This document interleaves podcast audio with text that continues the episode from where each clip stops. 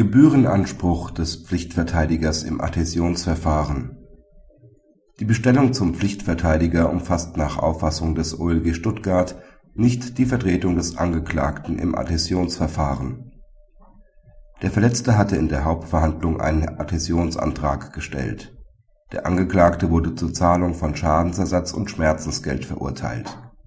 Die Berufung des Angeklagten wurde auf den zivilrechtlichen Teil der Verurteilung beschränkt der Pflichtverteidiger begehrte nun deswegen die Zubilligung der Verfahrensgebühr nach Nr. 4143 Vergütungsverzeichnis zum RVG.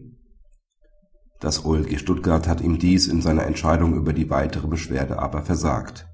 Die Gebühr sei zwar angefallen, aber aus der Tätigkeit im Adhäsionsverfahren entstehe dem Pflichtverteidiger kein Anspruch gegen die Landeskasse für das Adhäsionsverfahren komme nach § 404 Absatz 5 Satz 1 StPO in Verbindung mit § 114 fortfolgenden ZPO allenfalls die Gewährung von Prozesskostenhilfe unter den dort genannten Voraussetzungen in Betracht.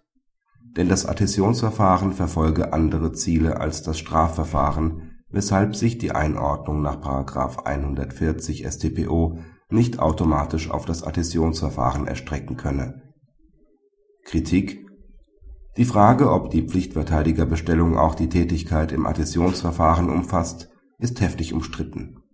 Die Auffassung des OLG Stuttgart kann aber deshalb nicht überzeugen, weil sich zwischen der Tätigkeit des Verteidigers und der des Vertreters im Adhäsionsverfahren nicht sinnvoll trennen lässt